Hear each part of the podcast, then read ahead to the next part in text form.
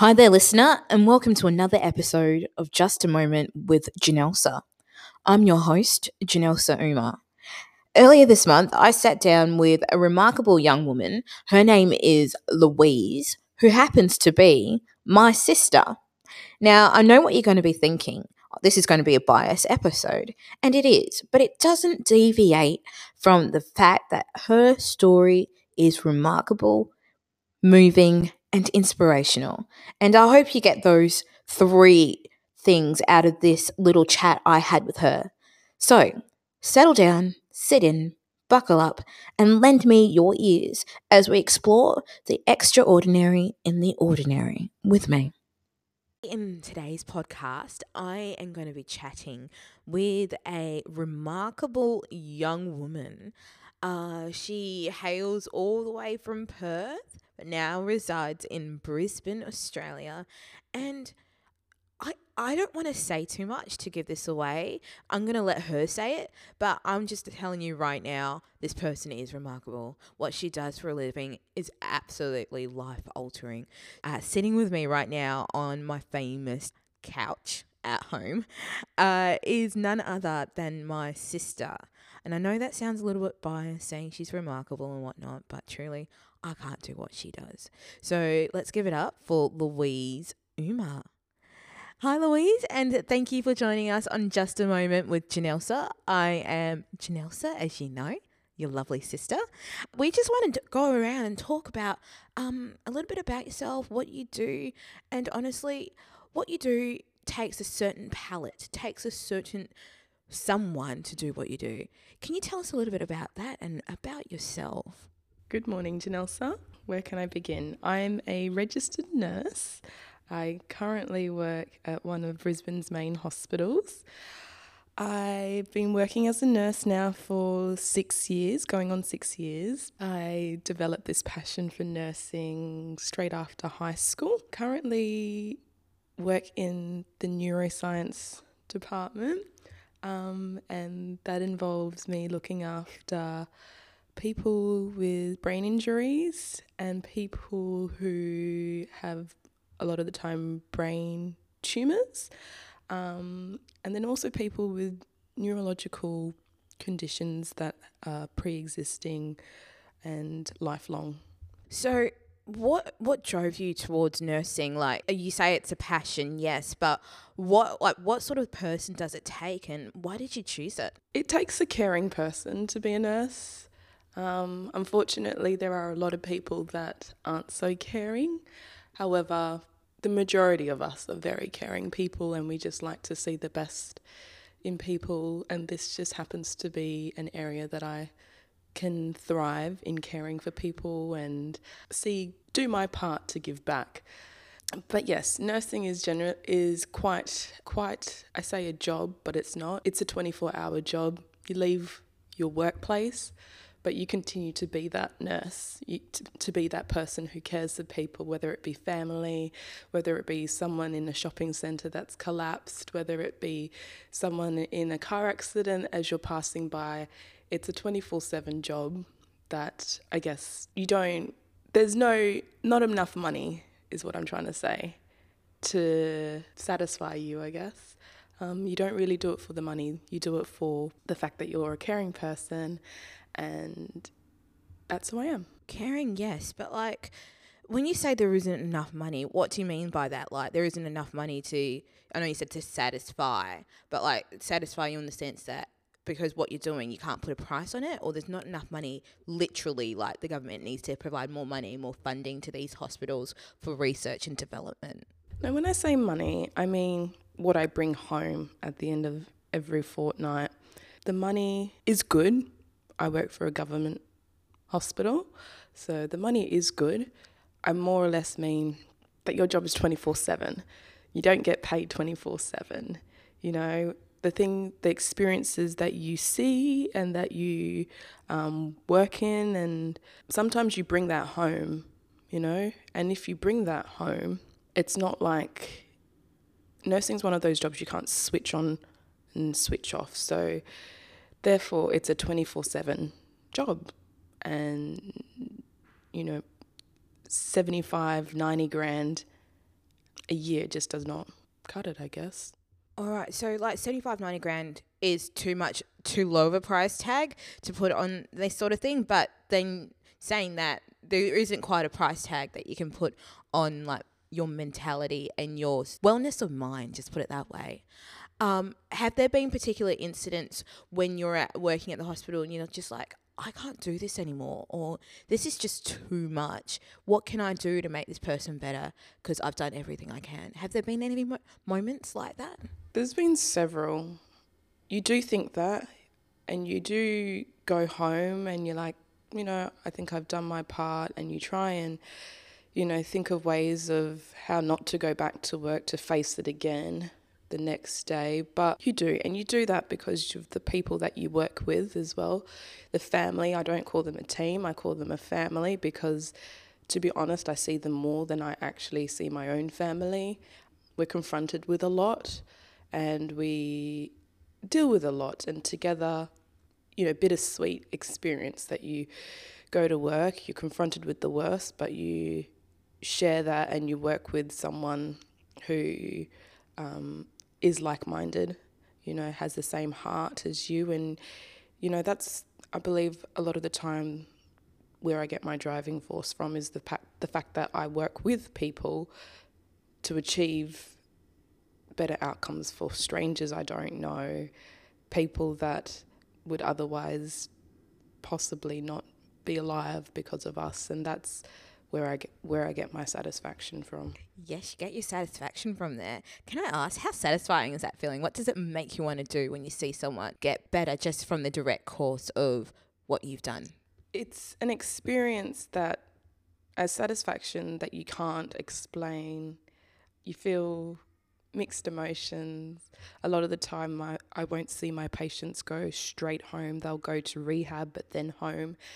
Um, the ones that go to rehab, sometimes they come back and they come back walking and talking, whereas when they left, they weren't doing either. So that's a very emotional, emotional time for me.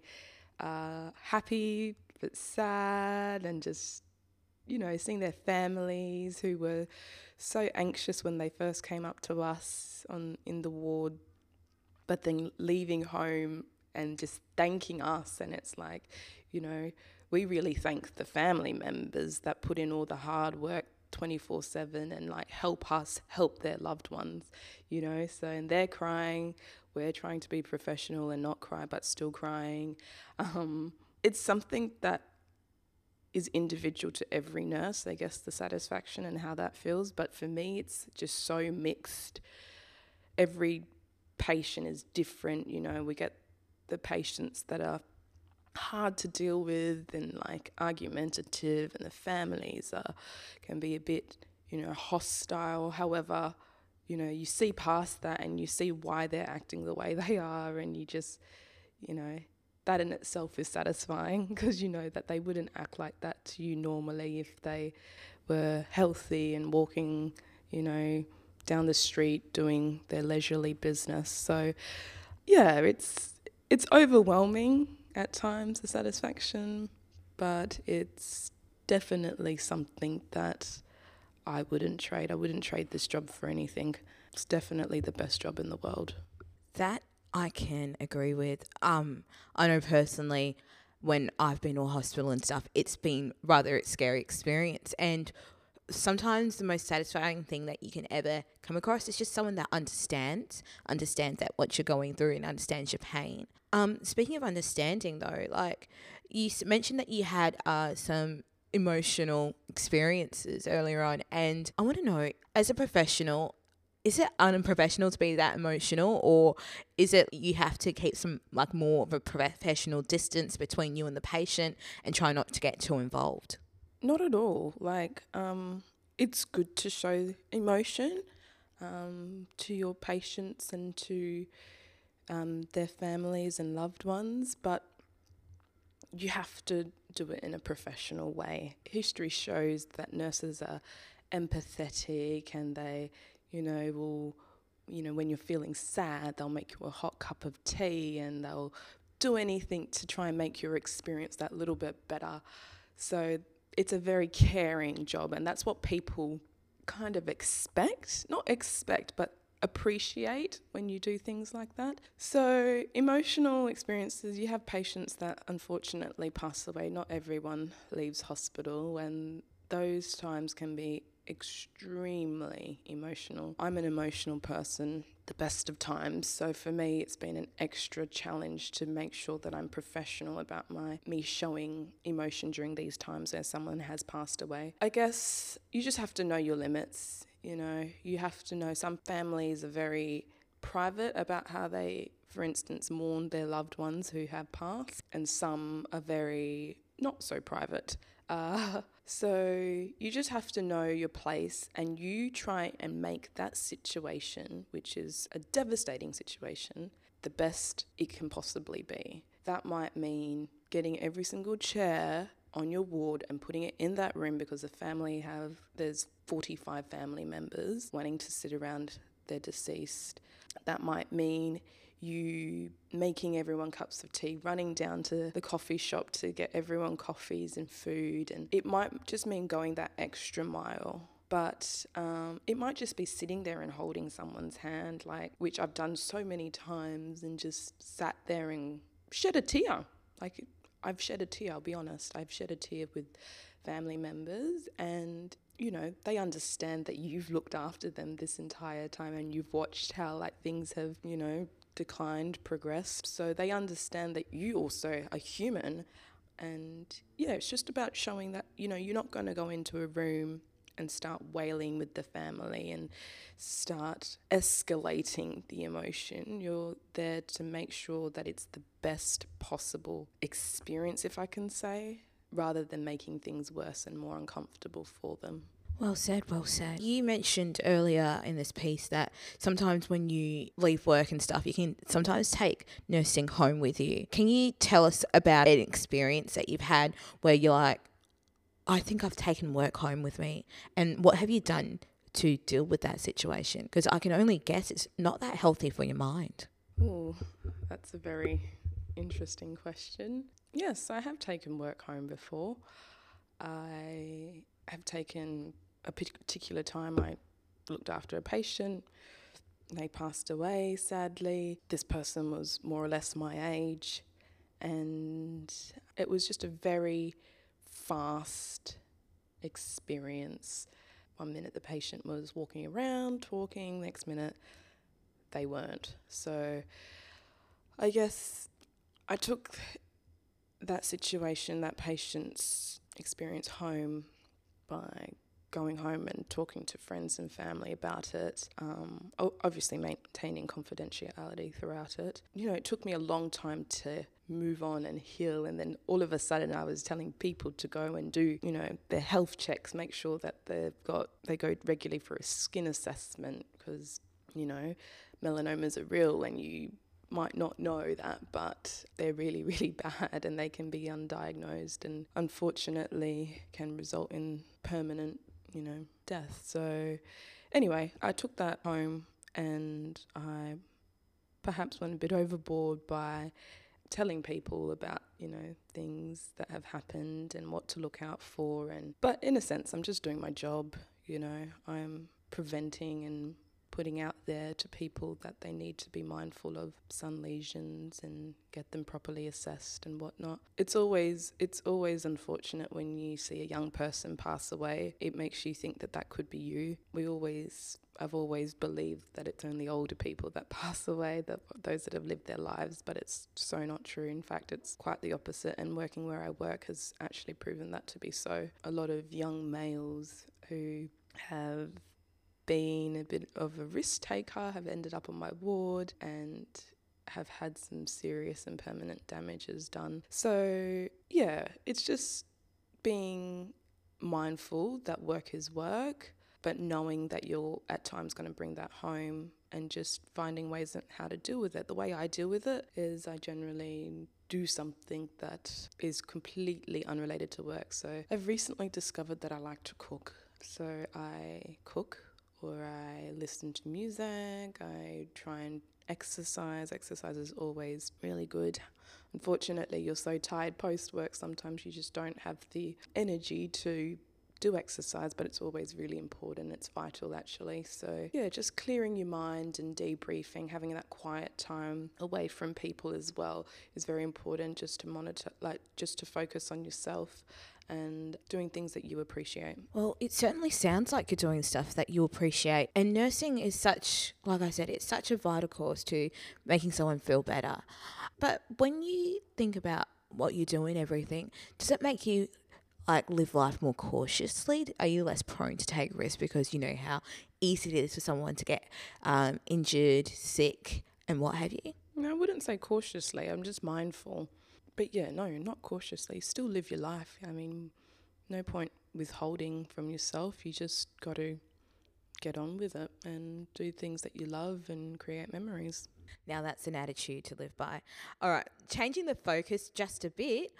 Um, you, my sister, you were actually awarded Nurse of the Year. Can you tell us about this? Like, come on, that must not be an easy title to get. It's something that took me by surprise. But then I wasn't surprised because I know who you are. So tell us, who was that person that got that award? Oh my gosh, I can't wait to hear this. Yes, I received um, Top Nurse of the Year 2018. This was definitely something that surprised me. I'm not exactly sure how it works, but I believe you're nominated by your bosses and the executive directors of the hospital. And yeah, so I was just nominated Top Nurse of the Year. That just meant that obviously I'm a top nurse. I've got traits that stood out, um, that caught someone's attention, and it's up to me now to maintain that. It was out of the division of surgery. So, yeah, I was very pleased um, to receive that. I will admit I'm very hardworking, so I think anyone that knows me would definitely agree. I can generally work diligently without anything being an issue. I just think people's lives matter so much more and make that my determination, you know, for eight, eight and a half, nine hours, depending how long I'm there for. yeah, just work hard and do what I meant to do and meant I meant to work there, so no point fooling around, mucking around, catching up with friends. I think that's if that's that's you've missed the point. It's people's lives that we're there to look after, and that should be our focus. Well done. I I was, like I said, I was surprised, but then I wasn't surprised because you, like you said, are a very diligent, very hardworking person. How hard is it, like just on a general question, how hard is it to keep up with those, especially those back to back shifts?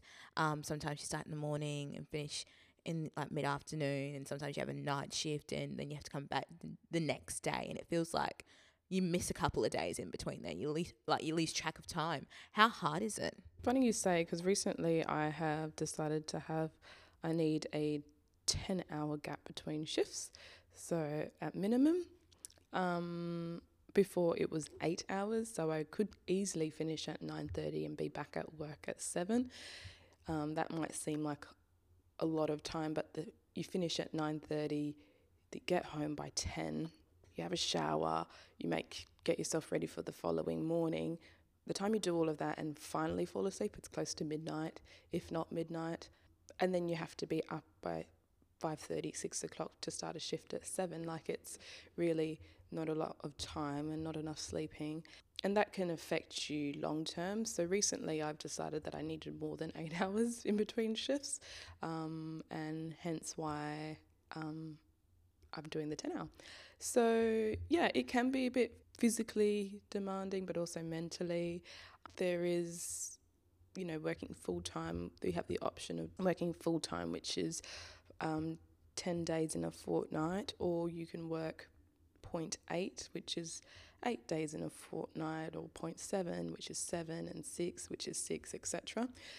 So, um, for me, for the last um, almost six years, I have been doing full time work, and it's only this year that I've decided to have a 10 hour break. But yeah, I like, you know, again, like it's not for everyone. Shift work isn't for everyone, but it works for me. That's good. And like, it, it, sounds very sacrificial, which I know is something that's not everyone's cup of tea. But Louise, I can't say how much we appreciate you and what nurses do. And I honestly believe that you really did deserve that award. Moving on, like to a personal level, I find you a success story. Like, I know that you partially own a house already.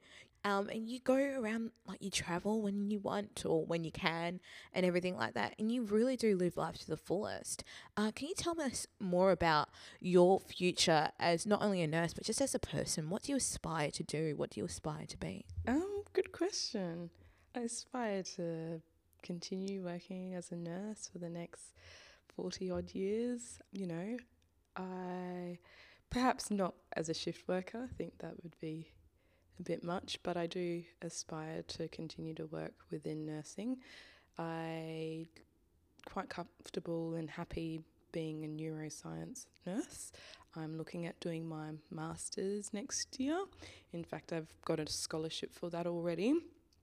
I pers- my personal um, goals are to hopefully get married and have a family of my own and hopefully um, pass down the caring traits I have because I think that as long as people are caring and put others before themselves, then this world will be a better place. And I hope to demonstrate that to my um, children and those that around me.